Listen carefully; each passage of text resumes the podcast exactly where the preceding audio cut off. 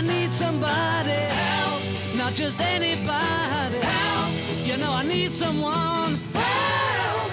Hetetokter, nedsatt sexlyst, ustabilt humør og forstyrrelser i mensen. Lege Morten Munkvik, hva skal vi snakke om da? Ja, Det må være enten puberteten eller den andre enden. Overgangsalder. Det er overgangsalder, okay. og det er ganske usexy greier. Det virker bare trist. Ja. Svette gjør de.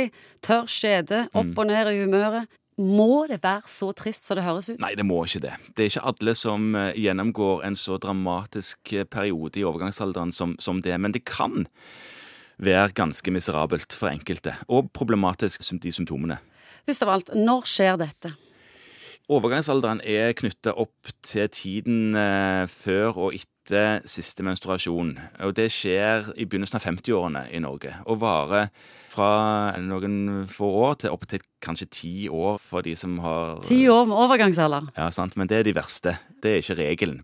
Dette er jo ikke noe kvinner egentlig snakker noe særlig om. Ikke stolte av det, ikke sant? Nei, det er usexy, og, Det ja, det og du noe- er ferdig på en måte. Ja, du, ja, det er akkurat det. Ja. Og det føler jeg nemlig jeg òg, at det, det der å ta opp det er litt sånn eh, en sånn, sånn, sånn fallitterklæring. At nå er jeg Da var det gjort. Og det tror jeg har med at eh, overgangsalderen kommer for tidlig. Man, man lever et, hva skal jeg si, et mer ungdommelig liv lenger i Norge nå enn man gjorde tidligere. Så man er liksom ikke ferdig med å være i 40-årene. Og så kommer naturen og bare liksom Nå er du ferdig. Kroppen jobber mot deg. Ja. Ja, at, men jeg er ikke klar. Jeg skal jo ha, jeg skal jo ha sex, og jeg og vil jo ikke svette meg i hjel om natten eller noe sånt. Men hva kan vi gjøre for kvinner i overgangsalderen?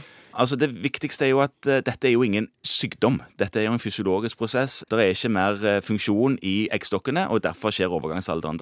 Og de som ikke er stort plagd, de går jo gjennom dette her helt uten å søke hjelp. Uten å merke noe, kanskje? Nesten uten å merke noe. Bare at mensen stopper? Nettopp. Men når du ser i nettaviser og artikler, så er det jo hetetokter og nedsatt sexlyst og alt Ja. dette som kommer, så det må gjelde en del kvinner, dette. Det gjelder åpenbart en del kvinner. kan- Du har ikke svart på hva kan du gjøre? Ja, vi kan jo gjøre Jo, nei, eh, poenget mitt med at noen søker ikke hjelp, var at noen burde søkt hjelp. Sant? Noen sitter hjemme og har mye plager, og så sier de ikke fra. For dersom du går til legen din og sier fra om overgangsalderplagene dine, så er det ting du kan gjøre. Du kan få hormoner.